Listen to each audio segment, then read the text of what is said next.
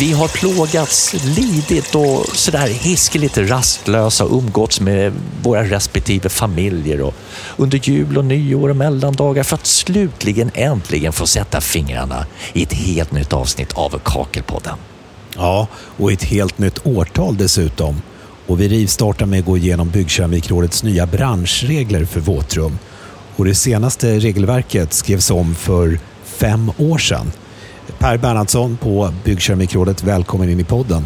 Tack så mycket. Varför tog det så lång tid? Ja, det har historiskt sett alltid varit de här tidsintervallerna. Det har varierat från sju och ibland tre och ibland fyra år mellan regelverken. Den här gången hade vi ursprungligen tänkt oss att de skulle ha kommit för cirka ett år sedan. Men i och med att vi hade beslutat för oss för att samordna tiden med övriga branschorganisationer som verkar i våtrummet så blev det att vi tog ett år till på oss eh, och släppte alla år 2021 nu istället.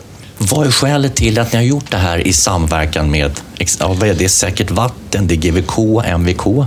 Två skäl. Eh, dels de tekniska delarna där det inte får finnas skillnader mellan branschreglerna utan de ska ju, eh, där de möts, ha samma lydelse så att det blir enkelt för hantverkarna att veta vad de ska förhålla sig till. Och sen den tidsmässiga aspekten att det inte kommer ett regelverk år ett och ett år två och ett år tre som då gäller för olika tidpunkter utan att vi kommer samtidigt med det så alla ändringar sker samtidigt i hela våtrumsbranschen om vi kan kalla det för det. Det kommer bli en stor fördel framöver. De här började gälla från 1 januari i år. Jag tänker i grova drag, vilka är de största ändringarna, tilläggen? I de tekniska delarna så har vi justerat eh, golvlutningskrav inne i, i eh, duschdelen mot närmsta vägg. Vi har lagt till bestämmelser för hur man ska göra genomföringar av el, någonting som har saknats tidigare.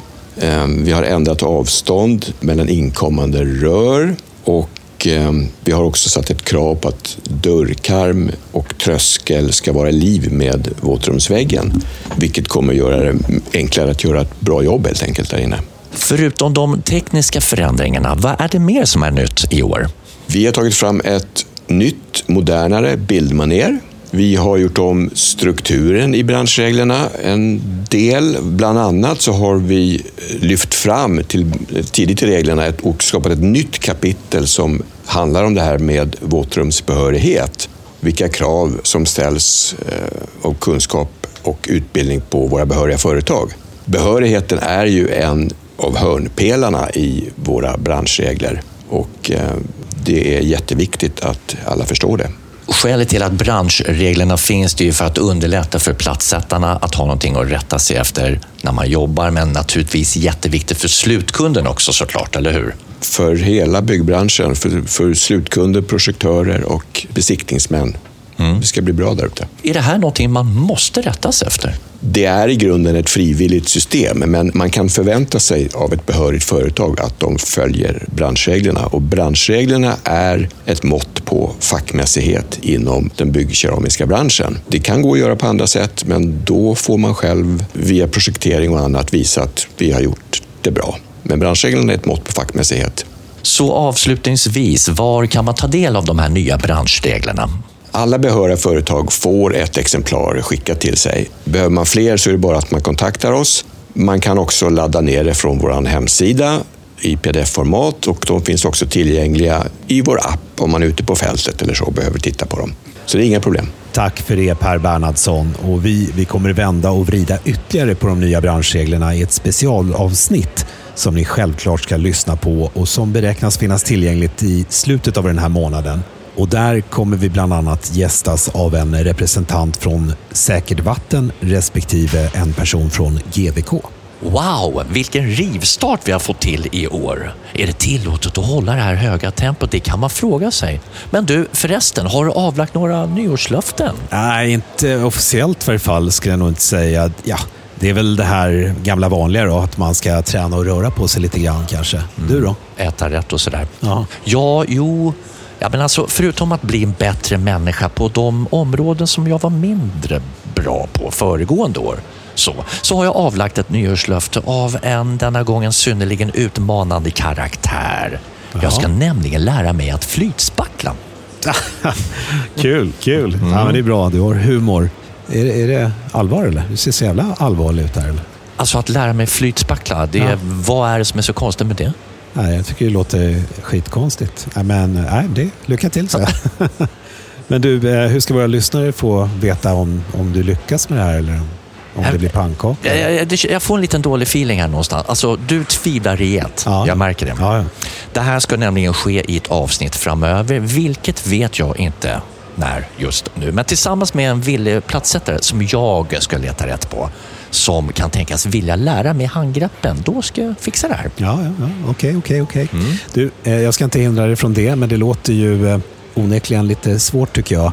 Vi låter framtiden utvisa om du besitter några flytspacklartalanger.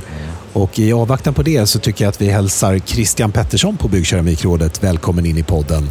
Vad tror du om eh, Leifs chanser här att lyckas med sitt nyårslöfte? Ja, han har nog mycket att jobba på. Kanske runt 2025 någonstans, att han behärskar då. Alltså det är ju jättelångt fram Christian, menar du allvar med det där? Jajamän, det gör man inte på en handvändning. Vad, vad, vad är den största utmaningen för mig? För jag är ju en talang på det mesta och även det här får jag för mig. Ja, du får för dig det, men det krävs eh, väldigt mycket planering. Man måste vara noga. Man kanske måste lära sig spacklet man använder så man vet hur det fungerar och alltihopa. Så att flyta ett fall, om det är det vi pratar om, det lär man sig inte i en handvändning. Men rent fysiskt, eller hur? Om du ser på min kroppsuppbyggnad och mitt flås när jag drar fram era korridorer här. Är, det en bra förutsättning? Ja, och tar du med dig frugan som bystar åt dig så kan det ju fungera. Okej. Nej, men det känns positivt det här. Absolut. Ja, vi återkommer om det helt enkelt. Men nåväl, du är inkallad för att prata om annat än mina nyårslöften, så är det ju. Den eh, vitt utbredda pandemin har ju drabbat er också. Tänk i det här fallet på era utbildningar, eller hur? Ja, det stämmer. Vi har ju åkt runt eh, land och rike kring förut och kört utbildningar. Nu är det lite stopp, så nu får vi köra digitalt. På allt. Alla kurser kommer att fortsätta som vanligt, men det sker digitalt. Så nu kommer vi inte åka runt, utan allting sker via datorn. Har ni löst allting tekniskt? Funkar det? Topptipp? Ja, vi har väl löst eh, det mesta. Vi är fortfarande i lite läroperiod, men det, det ser bra ut. Eh, det är ju lite svårt när man ska göra prov och sånt och när man inte sitter på samma ställe, men det har vi löst med en eh, underentreprenör som kommer hjälpa oss med det. Och de som går i era utbildningar digitalt ska ju naturligtvis då se till att ha en väl fungerande dator och en webbkamera. Allt sånt där måste ju funka. Bra bredband hemma och så vidare, eller hur? Ja, det går ju att köra på padda och telefon också, då, men det blir mycket lättare om man har en stor skärm, då, en dator, så man är med på ett annat sätt. Så hur gör man då nu om man vill hoppa på en utbildning med anmälan och allt vad det innebär? Ja, nu kan man ta vilket datum som helst. Du kan ju sitta här i Plog eh, fast det, man tror att man ska vara i Göteborg då så att säga. Så du kan ju vara precis var som helst. Allting finns på hemsidan, alla datum och eh, det här med eh, digitala utbildningar kommer ske hela första kvartalet till att börja med. Så får vi se om vi kan återgå till det vanliga sen då. Okej, så den är klubbad och klar. Den är klubbad och klar. Det, kommer ni vara med då och hålla utbildningarna digitalt följaktligen då såklart? Ja, vi, vi kommer försöka köra då och stå framför en kamera istället för att stå framför grabbarna så att säga. Men vi har, vi har för stor efterfrågan på kurserna så vi är tvungna att köra. Där har man. Några nya kurser på gång i, i detta begynnelsen av 2021 att dela med dig av. Ja, vi har ju då, om vi tänker oss på våra vanliga kurser så kommer vi här i februari, slutet på februari och ha en ny besiktningsmannakurs som vi ska sjösätta i och med att vi har nya branschregler, nya riktlinjer för färdigt utförande. Eh, Sen har vi de här säkerhetskurserna som är webbaserade som man kan logga in och ta. Där kommer en ny nu 18 januari. En OSA, organisatorisk social arbetsmiljö som är väldigt bra för alla företagsledare och arbetsledare att, att gå. Och det är ju ett krav från Arbetsmiljöverket att du ska ha koll på de där grejerna. Okej. Är det något maxantal på de här kurserna rent generellt? Har jag tänkt på. Ja, när det, när det gäller våra kurser, eh, kurs 1, kurs 2 återkurs och det då, så har vi fortfarande 50 på återkurs, vi har 30 på kurs 1 och 30 på kurs 2. Och får man inte plats, då är det nästa omgång som gäller. Då. Då är det nästa omgång som gäller. Ja. Hur många gånger per år går varje enskild kurs? Oj. Kurs 2 har väl kanske 10-12 gånger om året. Kurs 1 har vi väl 20 gånger. Återkursen har vi väl 22-24 gånger. Okej. Och det framgår tydligt på hemsidan hur pass sent man kan anmäla sig till en kurs? Det går Ja. inte att komma dagen innan bara, hej hopp. han. Nej, där står det ju om det finns lediga platser och de som inte, eller de som är fulla, de går inte att anmäla sig på så att säga. Så att det är precis som vanligt som det var förut. Någonting mer att dela med dig av kring hela utbildningsbiten? Ja, det som, det som är lite intressant för platssättarna då, det är att det kommer nya riktlinjer för färdigt utförande här. De kommer väl släppas inom de närmsta veckorna och det är det de har att förhålla sig till om de inte avtalar någonting annat. Så det kan vara bra att, kolla när den, kom, när den släpps. Okej, och det är hemsidan återigen. Det är hemsidan återigen. Mm. Någonting mer? Sen är vi nog nöjda för idag. Ja, men då så. Tack för din medverkan Christian. Tack. Nu, nu har det blivit dags att lyssna på en ny Veckans kompis. Det vill säga en platsättare som berättar om en episod som kanske inte riktigt har gått helt rätt till. Och den här gången så har turen kommit till Kenneth på Kennets golv och badrumsteknik i Härnösand. Ja, vi hade väl ett eh, litet projekt där. Det ställt till kan vi inte säga heller. Men eh, han, eh, det var så att vi skulle avsluta ett badrumsprojekt där. Som, det sista vad som var kvar var att sätta en list i dörröppningen där. Och den eh, eh, limmas ju fast då. Och så var det ju hon som bodde i den här lägenheten. Hon satt som inte i en rullstol heller, utan det var som någon stol hon åkte omkring på där inne i lägenheten. Där. Så att, eh, han sa ju att ja, nu ska ju den här limmas, så du kan ju inte komma in på toan nu på, på ett tag när, tills den här har fastnat här. Bara. Då säger den här damen här att eh, ja, det är ingen fara, jag har blöja, säger hon. Och vad, vad, vad svarar man på det liksom? Det var, tack för den. Ska vi ta en till på det då? Ja, det var en kille i Umeå där som eh, hade en lägenhetsrenovering. Det var två badrum i den här lägenheten och de fläskade på rejält där med stora plattor och schackrutigt och allt möjligt där.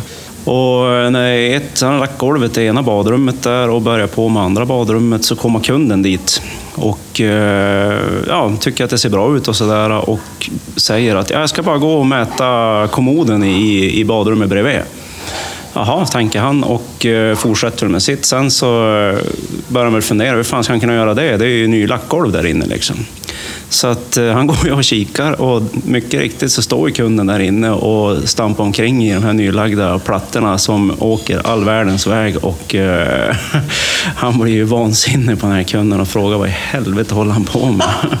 och ja, vad ska han säga? Liksom bara, Oj då, sa han bara. Det var det enda han fick kläckt ur sig. Och till råga på allt så vill han inte göra om det, utan eh, plattorna plattan fick ligga kvar. Och såg ju ut som skit alltså. Men ja, så är det med vissa. Vilket underbart besök ifrån Västernorrland, Ångermanland och Härnösand. Den där Norrlandsgungande dialekten är ju urhärlig. Och nu så ska vi bege oss en bra bit söderöver för att ta del av en helt annan dialekt. Ja, rent dialektalt så har de ju ingenting gemensamt. Vi har nämligen fått in en lyssnarfråga.